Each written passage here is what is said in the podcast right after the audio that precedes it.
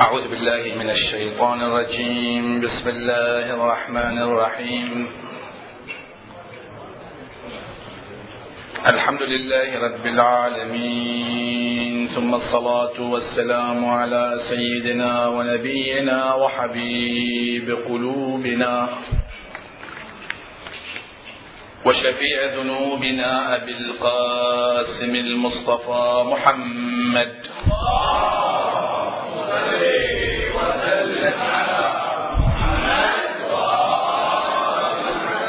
صلى الله عليه وعلى أهل بيته الطيبين الطاهرين المعصومين المكرمين الهداة المهديين. واللعنة الدائمة على أعدائهم ومخالفيهم وغاصبي حقوقهم أجمعين من الآن إلى قيام يوم الدين. قال تعالى في محكم كتابه ومبرم خطابه أعوذ بالله من الشيطان الرجيم. ومن أعرض عن ذكري فإن له معيشة ضنكا. صلوا على محمد وآل محمد وسلم على محمد نستخلص الحديث آدم على نبينا وآله وعليه السلام بذكر نقاط بيناها من بداية شهر رمضان المبارك. وهذه النقاط تتلخص في النقطة الأولى أننا قلنا بأن الله عندما خلق آدم لم يكن الغرض من خلق آدم هو إنما الغرض تلك الأنوار التي جعلت في الأرض. والنقطة الثانية قلنا بأن الأرض لم تكن هي الدنيا. الأرض لا تساوي الدنيا. بعد ذلك صارت الأرض الدنيا بعد الهبوط. النقطة الثالثة قلنا بأنه بعد الهبوط صارت العداوة ولأجل حل مشاكل الناس الله سبحانه وتعالى أرسل الرسل و أنزل معهم الكتب لإرجاع الناس إلى تلك الدولة النورانية وتلك الحالة الصافية حيث كان آدم يعيش فيها. ولكن قلنا بأنه الأنبياء وإن كانوا جميعا قد وفقوا وكلهم كان غرضهم شيء واحد وهو الوصول إلى القرب الإلهي. كما في الآيات الكثيرة في سورة الشعراء وما أسألكم عليه من أجر إن أجر إلا على الله. مع ذلك موسى على نبينا وآله وعليه السلام على الظاهر استطاع أن يرجع الناس إلى تلك الجنة وقايسنا بين وضع بني إسرائيل وبين جنة آدم. ثم بعد ذلك صار الهبوط اهبطوا مصرا واستمر الهبوط إلى مجيء الرسول صلوات الله وسلامه عليه. الرسول استطاع أن يغير الوضع أيضا كما نشاهد في القصص التي تنقل عن سلمان الفارسي أو سلمان سلمان المحمدي كما في الرواية. صلى على محمد وآل محمد.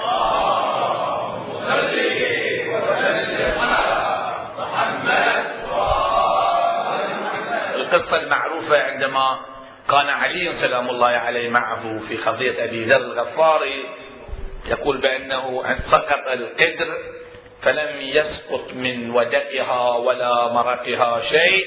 عندما نظر إليها سلمان اللي يطلع أبو ذر يقول أنه شو صاير يعني موضوع كان متحير.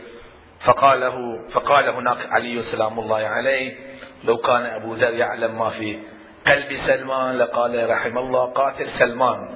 لأنه باعتبار أن هذا الشيء يعني شيء غريب كان. تصرفات سلمان في عصر الرسول وفي عصر أمير المؤمنين وأيضا أمثال جابر بن يزيد الجعفي أبي حمزة الثمالي وعدد من الشخصيات تدل على أن هؤلاء لم يكونوا يعيشوا حالة عادية. حالتهم كانت حالة نورانية خاصة ولكن هذه الحال لن تكن على مستوى المجتمع. بعد الهبوط حالة الناس نفس الحال اللي إحنا نعيشها الآن. ولكن بنو إسرائيل ليسوا كذلك. بنو إسرائيل كلهم كانوا يعيشون تلك الحالة. يا بني إسرائيل اذكروا نعمتي التي أنعمت عليكم وإني فضلتكم على العالمين. ظللنا عليهم الغمام ظللنا عليكم الغمام أنزلنا عليكم المن والسلوى. في الليلة الماضية تحدثنا عن الغاية من الخلق والحديث كان مهم جدا. وأعتقد بأن الحديث الليلة الماضيه كان هو المفتاح للأبحاث الأخرى حيث تطرقنا إلى مسألة العلة الغائية ليظهره على الدين. كله ولو كره المشركون. وقلنا بأنه الهدف من جميع الخلق هو في الواقع آه، تأسيس دوله إسلامية عالمية نورانية بحيث يمكن أن يطبق الدين بمعنى الكلمة في جميع مستوى هذه الدولة لا في مستوى بلد لا حتى لا تكون فتنة ويكون الدين كله لله. وهذه الدولة هي دولة الحجة سلام الله عليه ليظهره على الدين كله. هذا هو الهدف ولو كره المشركون. به يملأ الله الآن قسطا وعدلا كما ملئ ظلما وجورا الظلم في الواقع الإنسان يعيش الإنسان المعنوي النوراني يعيش كإنسان كجسم كحيوان. إذا بنرقي هذا الإنسان من مستوى الجماد والنبات كحيوان هذا أكبر ظلم. إن الإنسان يحقر يصل إلى مستوى كأنه حيوان يتعامل معه حتى تعاملهم مع الحيوانات أحسن من الإنسان. مسوي فنادق حق الكلاب تكرم مسوي فنادق وشوف كما بين السيد ولي أمر المسلمين في كلمه الله. الإمام الخامنئي حفظه الله صلى الله عليه وسلم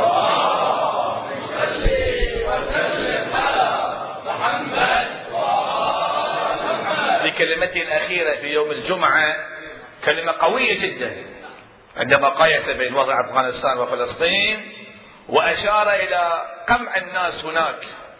طبعا الوضع إذا يمشي بهالطريقة جيدة. كان يأيد هذا الوضع بس بشرط أن الشعب الأفغاني هم يستولون على الحكم وأنه هذا في الواقع همة الشعب. الناس تحركوا ووصلوا إلى هذا المستوى. لو مو الشعب يتحرك ما كان يتحقق ولا شيء. بين هذه النقطة ركز على مسألة بأنه شوف شلون يهجمون على الناس في القلعة اللي فيها سجناء قتلوهم كلهم بلا استثناء. هذا وضع تعاملهم مع الإنسان هكذا. فهذا هو أكبر ظلم. به يملأ الله الآن قسطا وعدلا كما ملئ ظلما وجورا إن الإنسان يظلم نفسه أيضا. الإنسان اللي يظلم يظلم نفسه اللي يذنب اللي يعيش الدنيا يعيش كما قال الإمام النعلين اخلع نعليك. إنك بالوادي المقدس طوى اللي تعايش مع النعلين كما يشير الإمام. هذا الإنسان محكر نفسه هذا ظلم. فلا بد من تحرير الإنسان من هذه الحالة. انتهينا من هذه المسألة الآن. نريد أن نبين نقطة مهمة جدا. قلنا بأنه الشيطان يقول انظرني فانظرني إلى يوم يبعث يوم يبعثون. قال إنك من المنظرين إلى يوم الوقت المعلوم. قلنا بأن يوم الوقت المعلوم هو يوم ظهور الحجه صلوات الله وسلامه عليه. لأنه وقت موجود. والدليل على ذلك نفس وجود الوقت. وقد شرحنا بأن الوقت الزمان والمكان يرتبط بالكرة الأرضية بالحركة بكذا وما شابه ذلك. فإذا هناك وقت معلوم الشمس موجودة القمر موجود الكواكب موجودة ولكن الشيطان مو موجود. إذا كان الشيطان مو موجود تبقى النفس الأمارة. إذا الشيطان ما ما يحرك النفس الإنسان يقدر يسيطر على نفسه. المشكلة الشيطان. صحيح أعدى عدوك. نفسك مو نفسك ها؟ نفسك ونفسك وما سواها. نفسك التي بين جنبيك. يعني النفس اللي هبطت. أما النفس بما هي نفس ليست عدو للانسان بعد الهبوط. نفسك التي بين جنبيك يعني بعد الهبوط. هاي صار عدو للانسان بس وسوسة الشيطان هاي المشكلة فإذا الشيطان قتل كما في الرواية يقتل الشيطان في مسجد الكوفة. والرواية مفصلة مو رواية روايتين. كثير من الأحاديث موجودة في عصر الحجة سلام الله عليه. فهنا الناس يتحررون من آه، الشيطان. الإنسان المؤمن يمكن أن يوصل نفسه إلى مستوى مستويات عالية. إن شاء الله ابين لك صفات دولة المهدي في الليلة المقبلة. ثمان نقاط في صفات دولة الحجة سلام الله عليه. تشوف نفس المواصفات الموجودة في دولة الحجة موجودة في وين؟ في جنة آدم وموجودة في بني إسرائيل. هاي نقطة وايد مهمة. لو تقايس بين حالة بني إسرائيل وجنة آدم ودولة الحجة تشوف المواصفات نفس الشيء إلا أن في تلك الدولة دولة الحجة سلام الله عليه هناك نورانية أشد معنوية أكثر والتأييد بالكرامات وأنه يمسح على رؤوس العباد والكل يتفقهون في الدين والقصة عجيبة واقعا الإنسان إذا يفكر في تلك الدولة يرغب فيها. اللهم إنا نرغب إليك في دولة كريمة. على هذا الأساس أريد أن أبين نقطة واحدة وهي ما هي وظيفتنا وتكليفنا في عصر الغيبة؟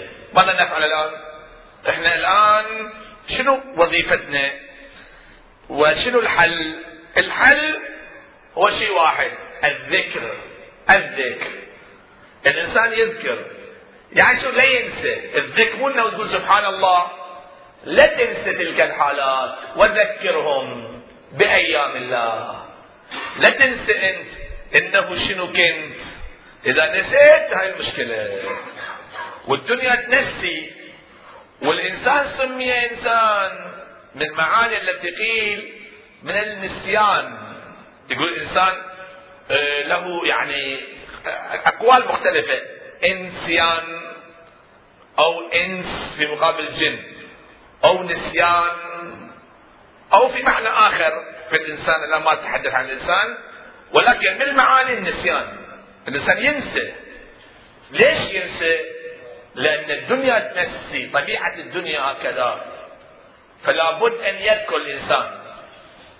الآية الكريمة تقول نسوا الله فأنساهم أنفسهم. فإذا الإنسان واذكر ربك إذا نسيت. إذا نسيت اذكر الله. إذا ذكرت الله ذكرت نفسك أيضا.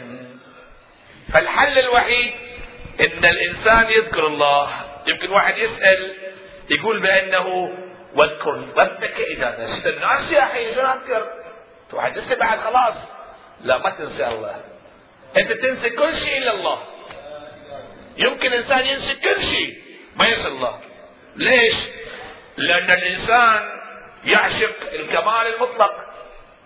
الجمال المطلق العلم المطلق معشوقة ما ينسى معشوقة ما ينسى.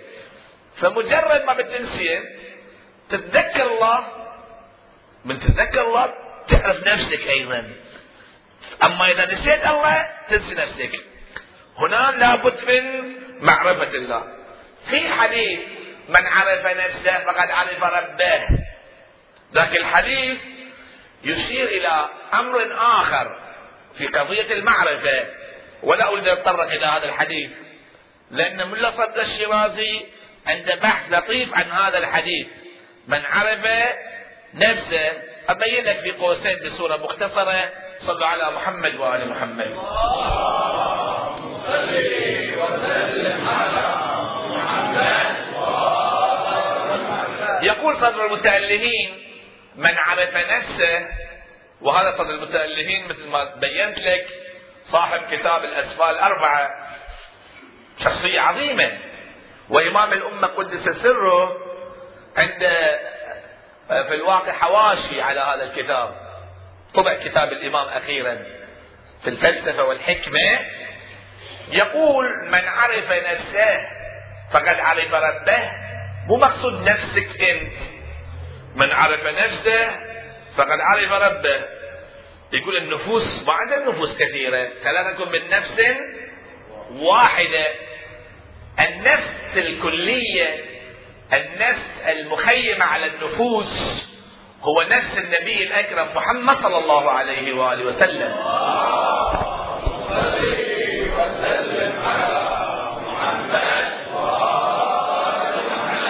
ويستدل صدر المتألهين رضوان الله تعالى عليه بقوله تعالى النبي أولى بالمؤمنين من أنفسهم يقول من أنفسهم أولوية يعني شنو أولى يعني روح النبي نفس النبي كأصل الشجرة المباركة اللي في تلك الرواية آدم ومن دونه تحت لوائه.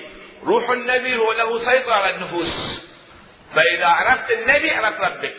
من عرف نفسه يعني من عرف النبي. وباعتبار وأنفسنا وأنفسكم إذا عرفت أمير المؤمنين أيضا تعرف الرب.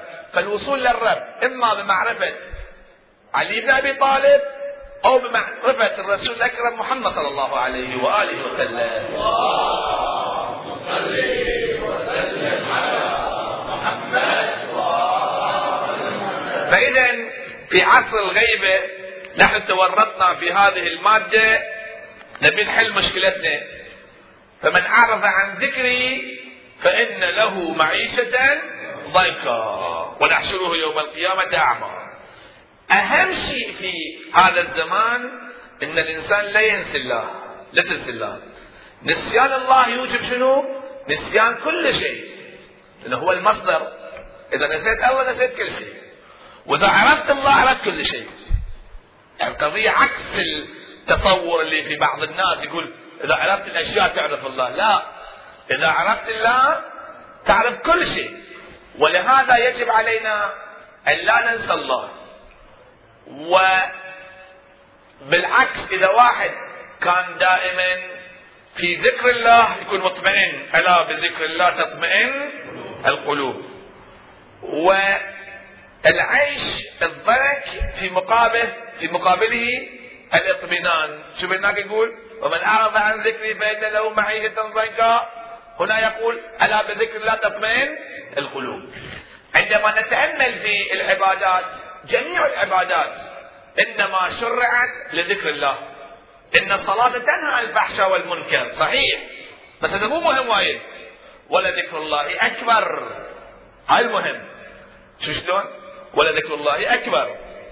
في آيات كثيرة يقول سبحانه وتعالى يا أيها الذين آمنوا لا تلهكم أموالكم ولا أولادكم عن ذكر الله. ومن يفعل ذلك فأولئك هم الخاسرون. إذا الحين واحد بيذكر الله يذكر منه حتى يذكر الله. هاي نقطة مهمة. الحين أنا بذكر الله. شلون أذكر الله أنا؟ أنا ما أقدر أذكر الله ما أقدر أتصور الله. إذا واحد يتصور يتصور الله كل ما كما في الحديث إيه، تصورتموه بأوهامكم. فهو مخلوق لكم مرجوع إليكم. أي شيء أنت في ذهنك؟ هذا مخلوق لك أنت خلقته في ذهنك. تأثر بالذهن. هاي لك هاي مو الله هذه. إذا أحد نذكر الله شو نسوي يعني؟ نقول سبحان الله. هنا شوف الآية شو تقول؟ الذين ينقضون عهد الله من بعد ميثاقه ويقطعون ما أمر الله به أن يوصل. ويفسدون في الأرض. أولئك هم الخاسرون. هنا يقول لا تلهكم أموالكم ولا أولادكم عن ذكر الله ومن يفعل ذلك فأولئك هم الخاسرون. أرجوك لاحظ الآيات اللي فيها خاسرون. وفي مقابل خاسرون المفلحون. وبعدين تأمل في الآية المباركة. يقول قل لا أسألكم عليه اجرا الا الموده في القربى في آية أخرى قل لا أسألكم عليه اجرا إن هو إلا ذكرى للعالمين.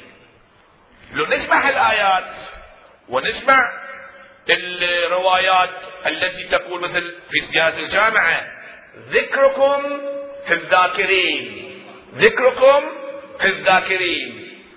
نعرف بأن لا يمكن أن يذكر الله إلا بذكر محمد وآل محمد.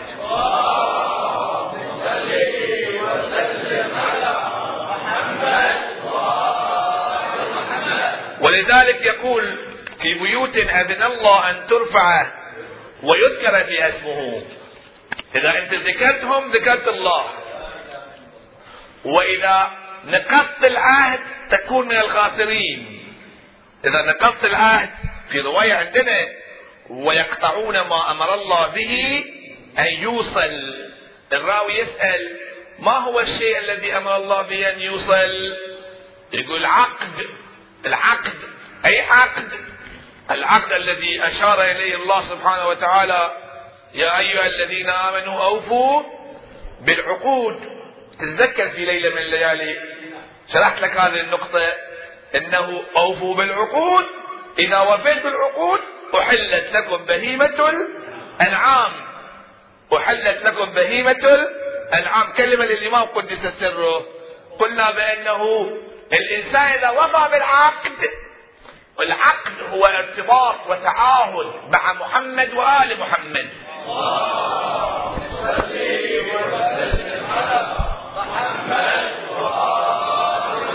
فتكون بهيمة الأنعام محللة له. التعبير الذي ذكره الإمام في كتاب الآداب المعنوية للصلاة. الذين ينقضون عهد الله من بعد ميثاقه ويقطعون ما أمر الله به أن يوصل. فعلى هذا الأساس تعرف معنى رحم الله من أحيا ذكرنا. رحم الله من أحيا أمرنا. الإنسان لابد أن يتذكر ذلك اليوم. في رواية عندنا لطيفة. يقول بأنه عن الراوي يقول سمعت أبا جعفر عليه السلام. يقول وذكرهم بأيام الله. ما هي أيام الله؟ يقول أيام الله ثلاثة. يوم يقوم القائم عجل الله تعالى فرجه الشريف.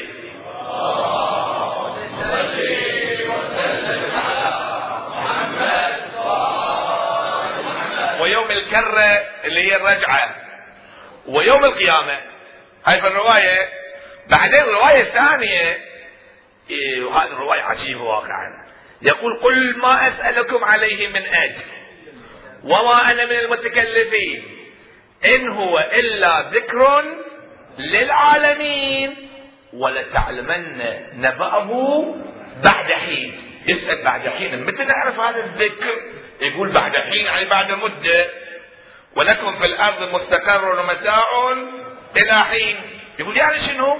يقول عند ظهور ولي الله الأعظم الحجة ابن الحسن المهدي عجل الله تعالى فرجه الشريف. اللهم صل وسلم على محمد يقول هناك تعرف حقيقة الذكر. ولهذا قلنا بأنه يعبدونني لا يشركون بي شيئا. على هذا الأساس نريد أن نستنتج بأنه الإنسان لابد أن يتذكر الشيء حتى يعشقه. الحين إذا أنت ما تتذكر الشيء شلون تعشقه؟ إذا واحد مثلا ما رايح مشهد زيارة الإمام الرضا سلام الله عليه. كلش ما رايح. يقول تعشق مشهد؟ يقول والله زين يعني إذا نروح لا بأس. يحب. بس اللي رايح هناك وشايف هالحرم جنة واقعا. الإنسان يعيش جنة هناك. وخاصة الإمام الرضا. لأن اللي يجون يزورون الإمام الرضا ماكو فيهم بعد إسماعيلي بهرة ما بهرة ماكو. وجماعة الزيدية ما يجون هناك. ما هي إلا الإمامي الاثنى عشري فقط. نعم. لا ما عندنا بعد واحد يعتقد بالثمان أئمة وما يعتقد بالتاسع. ماكو هذا الشيء. هذا الإنسان اللي رايح مشهد قبل خمس سنوات شلون يعشق مشهد؟ إذا يتذكر. إذا ما يتذكر ما يعشق. تذكره تقول اتذكر يوم رحنا هناك وشوف ما شاء الله هالخبز وهكذا وهالطعام اللذة الموجودة خاصة في أيام آه، ربيع. نعم؟ يقول تعال وشوف الحرم. ويوم نقعد هناك تذكرين من ذكر يعشق. يقول إيه زين زين خلينا نروح. يعشق. فإذا بدون الذكر واحد ما يعشق الشيء. وإحنا إذا تأقلمنا بالدنيا شلون نذكر جنة آدم؟ كلنا نسينا أصلا إحنا ناسينا الآن. نعيش النسيان. تورطنا بالدنيا لا. نعيش في هذه الدنيا وكأن خلقنا لهذه الدنيا. إذا خلقت لهذه الدنيا يعني خلقت للفناء وفي تلك الرواية خلقت للبقاء لا للفناء إذا أنت تفكر هذا الشيء وتقول يعني لو تقول أنا أموت زين بعد ما أموت ما أرجع. لا هذا هم غلط. نعتقد بأن المؤمن المخلص المشتاق إلى جنة آدم يعني دولة المهدي حتى لا يموت. الحجة يطلعه شاهرا سيفه. يعني تصور الحين الإمام قدس سره ما كان يعشق الحجة؟ يعني الإمام ما يحب أنه يعيش في عصر الحجة. يعيش. زين مو ظلم أنه ما يحشر؟ طبعا ظلم. الله عادل. مو الإمام حتى الأئمة عليهم السلام. يعني الأئمة عليهم السلام ولهذا قضية الرجعة شرحت لكم إجمالا. كل الأئمة ما يصل الكمال لا الإمام إمام. يعني العبادات من باب الشكر وجدتك أهلا للعبادة فعبدتك يحققها الإمام المعصوم. ولكن مع ذلك يشتاق يرغب. كل الناس يرغبون. إحنا كلنا نرغب في أمور. نبي نعبد الله. نبي نشوف تطبيق قوانين الدين. نرغب في هذا الشيء. فإذا الإنسان إذا يرغب في الشيء ويتمنى الشيء نعم مثل هذا الشيء. الله سبحانه وتعالى هنا يرجعه إلى تلك الحالة ترجع إلى هذه الحالة. حتى لو تموت. حتى لو تموت ترجع. هل يحييك الله؟ طبعا. يحييك الله. هاي في دعاء العهد. ليش تقرأ إحنا نقرأ أدعية بس آه، لقلقة لسان. تكون شاهرا سيفي نعم شاهرا سيفي شنو؟ لابسا كفني بس حكي. فإذا الإنسان لازم يتصور تلك الحالات. لا تنسون يا جماعة. لا ننسى تلك الحالات النورانية. شلون تذكر نفسك؟ تذكر نفسك في مجلس الحسين سلام الله عليه. بتعيش مجلس الحسين. القراءة الحسينية القراءة مو المحاضرات محاضرات في آه، قضية سيدنا كذا هاي طبعا تذكرك بس لا لازم محاضرات روحانية اكو محاضرات معنوية. أتذكر في جمران عندما كنا وفقنا مرة مرتين كثير من الجماعة ربما وفقوا زيارة الإمام أو سمعوا كلمات الإمام. الإنسان من يقعد يسمع هالكلمات النورانية يحس أنه جاي يعيش في الجنة. والحسينية كانت صغيرة؟ كلش صغيرة. تشوف ما شاء الله عدد كبير يدخل فيها الحسينية. وين يقعدوا؟ ما ندري إحنا. شيء غريب واقعا. لو تروح جمالات تشوف لا تشوف بالتلفزيون كأنها حسينية كبيرة. صغيرة اصغر من هاي الحسينية. يمكن يعني أصغر أصغر من هاي الحسينية. تصور أنت؟ ولكن تعيش حالة نورانية حالة جنة. ليش؟ بتسمع هذه الكلمات العرفانيه من إمام الأمة قدس سره. فالشاهد أن الإنسان إذا يعيش في جو إيماني جو في فضائل أهل البيت مو بس تذكر معاجز لا حقيقة أهل البيت نورانية أهل البيت كأنه يعيش الجنة يشتاق لهم. ولهذا يقول وذكرهم بأيام الله تذكرهم بذكر محمد وآل محمد.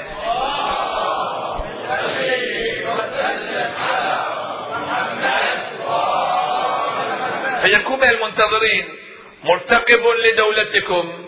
يرتقب يعني ينتظر. ينتظر لأنه يبغى شيئين مثل بيروح مشهد بعد يومين؟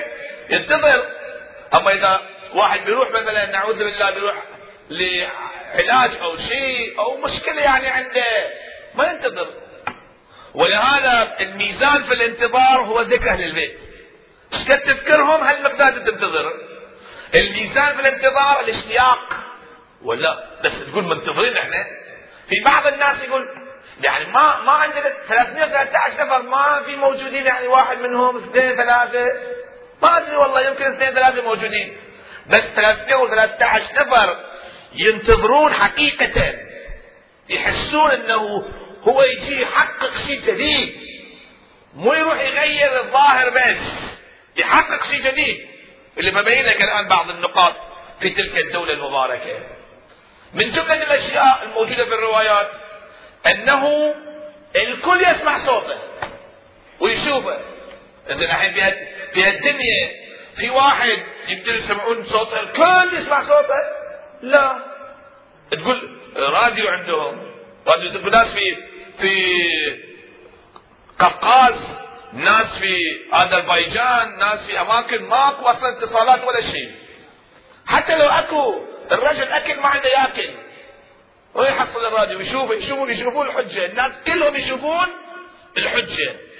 تذكر قبل 25 سنة إحنا كنا صغار في المنامه في واحد من العلماء اجى ألقى محاضرة وكان يتكلم عن هالموضوع. إلى الآن أتذكر كان يقول نعم هذا واضح. التلفزيون اللي تو جاي تو جاي التلفزيون ملون هذه الحجة يجي يروح في مكان يقعد. ويشوفون الناس كلهم عن طريق التلفزيون. أنا ذاك اليوم خطرت في ذهني نقطة إن أكو قرى موجودة في العالم أصلا ما وصل اليه الكهرباء إلى الآن. وين التلفزيون عندهم؟ ثلاجات ما عندهم ناس يعيشون. وشيعة شيعة عشاق. ها مو تقول لك شنو؟ عشاق أهل البيت. تروح مجالس الحسين مجالسهم أحسن مجالس. يعني هذه ينحرم من رؤية الحجة. شلون تجاوب على هذا السؤال؟ هاي لازم ينحرم أو مثلا بالنسبة إلى ارتباطهم مع الحجة شلون يرتبطون؟ ولهذا أخواني أعتقد بأن القضية مو مثل ما نتصور إنه هو ينزل نفسه إلى هذه الدنيا. يرفع مستوانا إحنا. نصير نورانيين. وننظر بعين الله. خلها كل قصة. ربما ذاكرها قبل أو مذاكرها ما أدري. إن أكو ناس ينظرون بنور الله. كثير عندنا خلنا نقول لك هذه القصة تذكرتها الآن صلوا على محمد وآل محمد.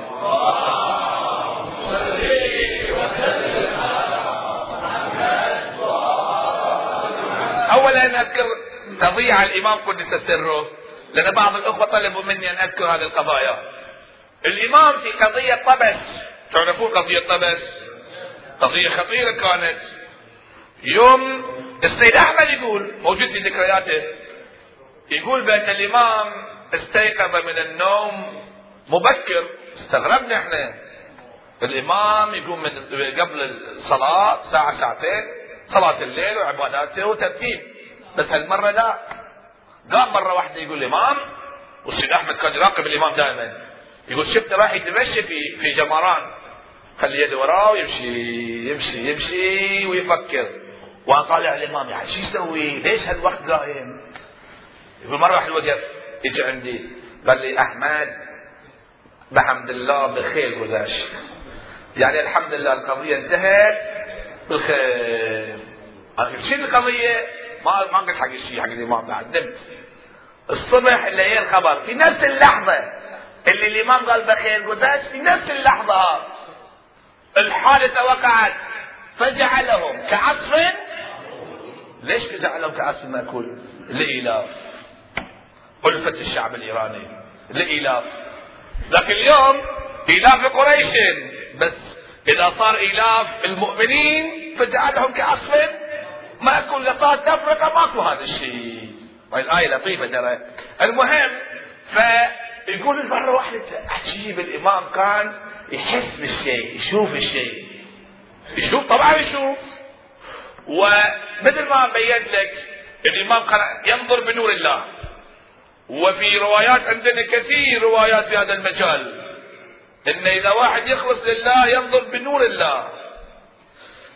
بالنسبة إلى السيد الحبوبي السيد محمد سعيد الحبوبي معروف ترى من كبار العرفاء أستاذ في العرفان في النجف الأشرف.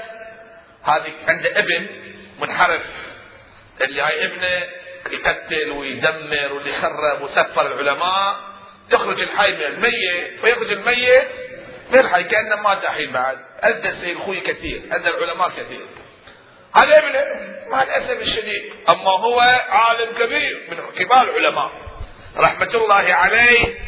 السيد محمد سعيد قد ينظر بنور الله. ينظر بنور الله. يعني نظرته كانت نظرة خاصة. كان عنده دروس عرفانية. وقديم الأيام الطلبة كان عندهم مرشد. وهذا زين ترى كل واحد عنده مرشد. مو يمشي بس طريق. المفروض الأب يكون مرشد لأولاده. هو يمشي والأولاد يمشون شنو؟ وراء.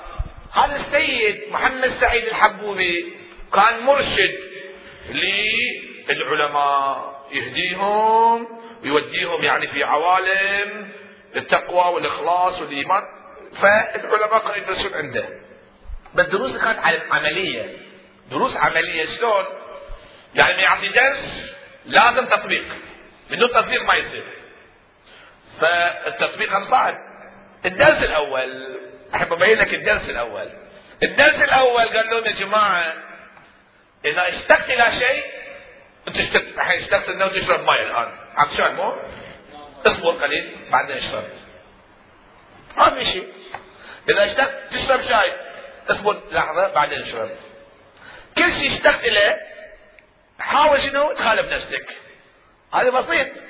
وهذا يخلي الإنسان شنو؟ يتكون نفسيا. واحد قاعد في مجلس يشتغل انه يتكلم. يقول ما أتكلم. هو يبي يحرك رجله يقول ما بحرك. هاي الدرس الأول كان يدرسهم. زين. وإذا واحد يخالف اللي يخالف يقول له. بنجي في الدرس يقول انت بعد اطلع ما تدفع روح اطلع. يطلعه اي هاي مسألة. قصة عجيبة هذه وقصة حقيقية ترى. فواحد من العلماء من كبار يعني من الشخصيات اللي كان في المجلس شباب هو طبعا كان متزوج في ليلة الزفاف كان قال عند زوجته فجابوا حلوى فزوجته أخذت الحلوى أكلت. هو اخذ من أخذ قال أوه تعال بكرة بروح الدرس. أخاف يطردني السيد؟ ما أكل أنا أشتاق إلى الحلوى ما أكل. ما أكل. زوجته تقول ليش ما تأكل؟ قال خلاص ما أكل. اخاف ما تقول لا ما ما, ما بأكل خلاص. ما أكل. يوم ثاني يوم يجي في الدرس السيد قال له شيخنا ليش ما أكلت الحلوى؟ قال له قال اخاف تطردني قال لا ما كان مناسب. انت ابدت زوجتك زين. القصة الثانية عجيبة هاي القصة. في قديم الأيام كانوا يمشون يروحون كربلاء طرق مختلفة طبعا. في طريق البر وفي طريق النهر. يروحون من الكوفة. فكان يركبون بلد ويروحون كربلاء. فالسيد طبعا دروسهم هؤلاء دروس خاصة عرفانية. والدروس المفروض الإنسان يكون مع أستاذ اي مكان يروح. مو بس في في النجف لا راح كربلاء يروح وراه. راح مشهد يروح وراه. دروس مستمرة يعني حتى في, السفر. كثير من العلماء كانوا هكذا. يبي يسافر يودي تلامذته وياه. حتى تدرسهم هناك. فهو بيروح كربلاء. الجماعة كلهم راحوا إلا الشيخ. شيخ واحد من المشايخ. احد نفرض اسمه شيخ حسن وشيخ أحمد. أي شيء بتقول؟ أنا ما أعرف اسم هذا الشخص. فهذا تأخر عنهم. الجماعة راحوا كلهم تأخر. يوم وصل الكوفة آه، شاف البلد رايح متقدم. فشاف هؤلاء أهل القرى المعيدية مثل ما نسميهم المعيدية. هذه كانوا في في بلم بيروحون كربلاء قال توصلوني معاكم؟ أخاف أتأخر عن السيد درس عنده كذا دروس في الطريق في كربلاء بيدرسنا. قال أنت تفضل ما عندنا اعطى فلوس ما نركب معاهم. ركب في هذا في هذا البلم الثاني. فالبلم الأول جدا رايح السيد مع التلامذة وهذا الشيخ المتأخر بقى في هالبلم الثاني. في الطريق كما يقال في الطريق وهم رايحين نصف الليل. فإذا بالسيد يشوق هذا الشخص يقول والله أنت زين أحسن تلميذ أنت. يعني الشيخ ذاك نفرض الحين الشيخ أحمد اسمه. يقول له مبروك على هذا الشيء هذا الجهاد وأنت جيد وأنت كذا. الطلبه يطالعون الشيخ مو موجود. شلون يشوقه شو مسوي المهم إلى أن وصلوا إلى كربلاء. يوم وصلوا كربلاء انتظروا الشيخ يجي. قال شيخنا شو مسوي؟ الأستاذ وايد يمدحك. قال ما أتذكر. قال ذكر نفسك أكيد مسوي شيء. الأستاذ كان ينظر بنور الله. أكيد أنت مسوي شيء. المهم فكر كثير. قال نعم أنا يمكن في البلم؟ نايم مع هذه المعديه فحسيت بأنه أكو شيء سقط على صدري. يوم طالعت شفت واحد من هالبعيدية نايم رجله رجع على صدري. وايد عصبت. الحين اخذ ارميه في البحر في النهر. يقول شلته توني بشيله مرة واحدة تذكرت الحين وين أنا رايح؟ أروح كربلاء ودرس السيد. أخاف يفقدني من الدرس. يقول خليت هذا الرجل تبقى على شنو؟ على صدري للصباح. شلون؟ فشلون يشوف هذا الإنسان؟ يشوف. يشوف الإنسان المؤمن ففي عصر الحجة سلام الله عليه المؤمنين يرون الحجة. مو بالعين العادية لا. يصلون إلى مستوى بحيث أنهم يتعايشون مع ولي الله الأعظم مثل ما هو يتعايش معنا الآن. وتقول حاضر في كل مجلس؟ شنو حاضر هاي مو عقيدتنا إحنا. إنه يحضر في كل مجلس في كل مكان موجود شنو معناه اشراف عنده على الأشياء. على أي حال إن شاء الله بنبين بعض صفات دولة المهدي صلوات الله وسلامه عليه ونقايس تلك الصفات بجنة آدم ونحن نشتاق إلى تلك الدولة. كما قلت ذكركم في الذاكرين. اسماءكم في الأسماء. ذكركم في الذاكرين. ذكرهم بأيام الله. فاسألوا أهل الذكر. الذكر من هو؟ رسول الله أهل الذكر هم أهل بيت محمد صلى الله عليه واله وسلم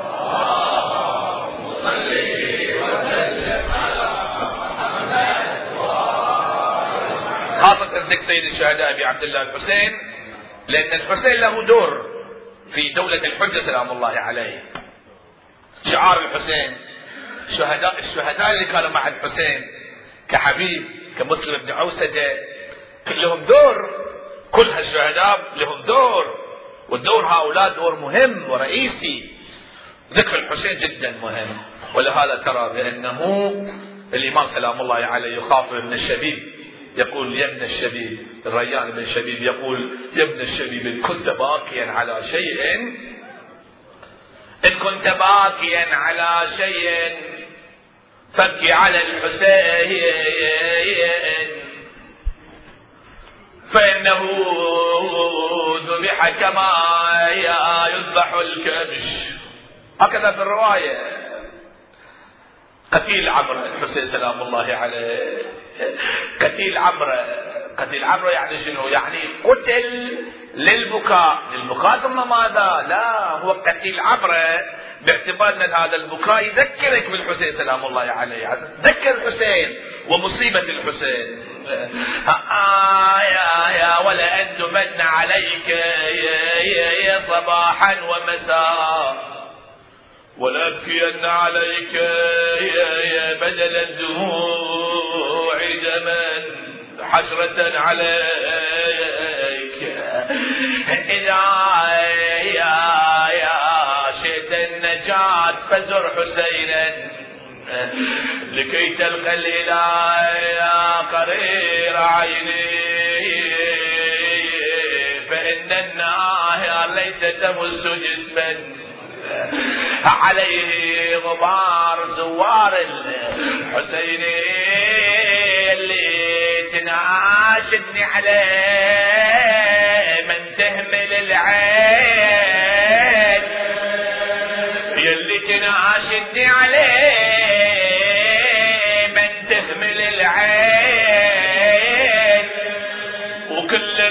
والنوح والحسرة على حب أب قلبي وتظهر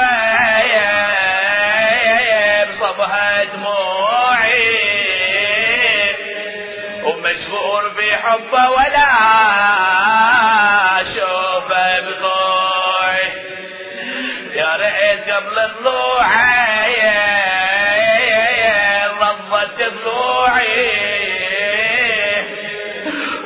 قبل خدت عبرت مني الخد أبكي على مصابك كل صبحة ومسية. وأبكي وساعد على البكاية الزهرة الزكي وما ظلت تندم يا غريب الغامرين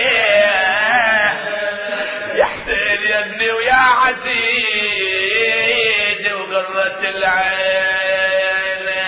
آه أنا الوالد الوالد المذبوح بنها طول العمر ما قايه الحزين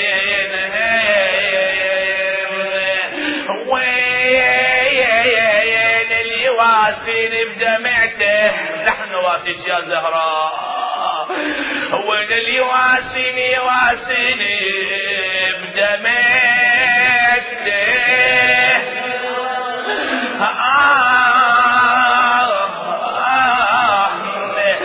على الذي على الذي حز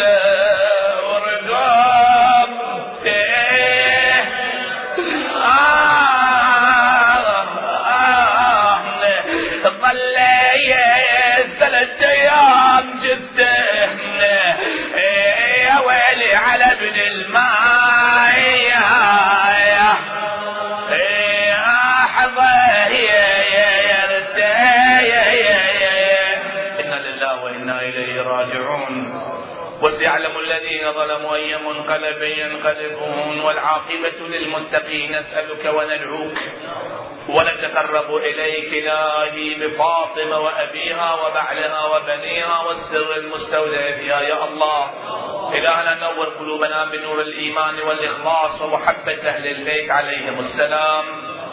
وفقنا لما تحب وترضى اجعل عواقب أمورنا خيرا. اللهم انصر الإسلام والمسلمين ايد وسدد حماة الدين ولي أمر المسلمين احفظه بحفظك يا الله. عجل اللهم في فرج مولانا صاحب العصر والأمر والزمان والى ارواح أمواتنا وأمواتكم وشهدائنا ومراجعنا امام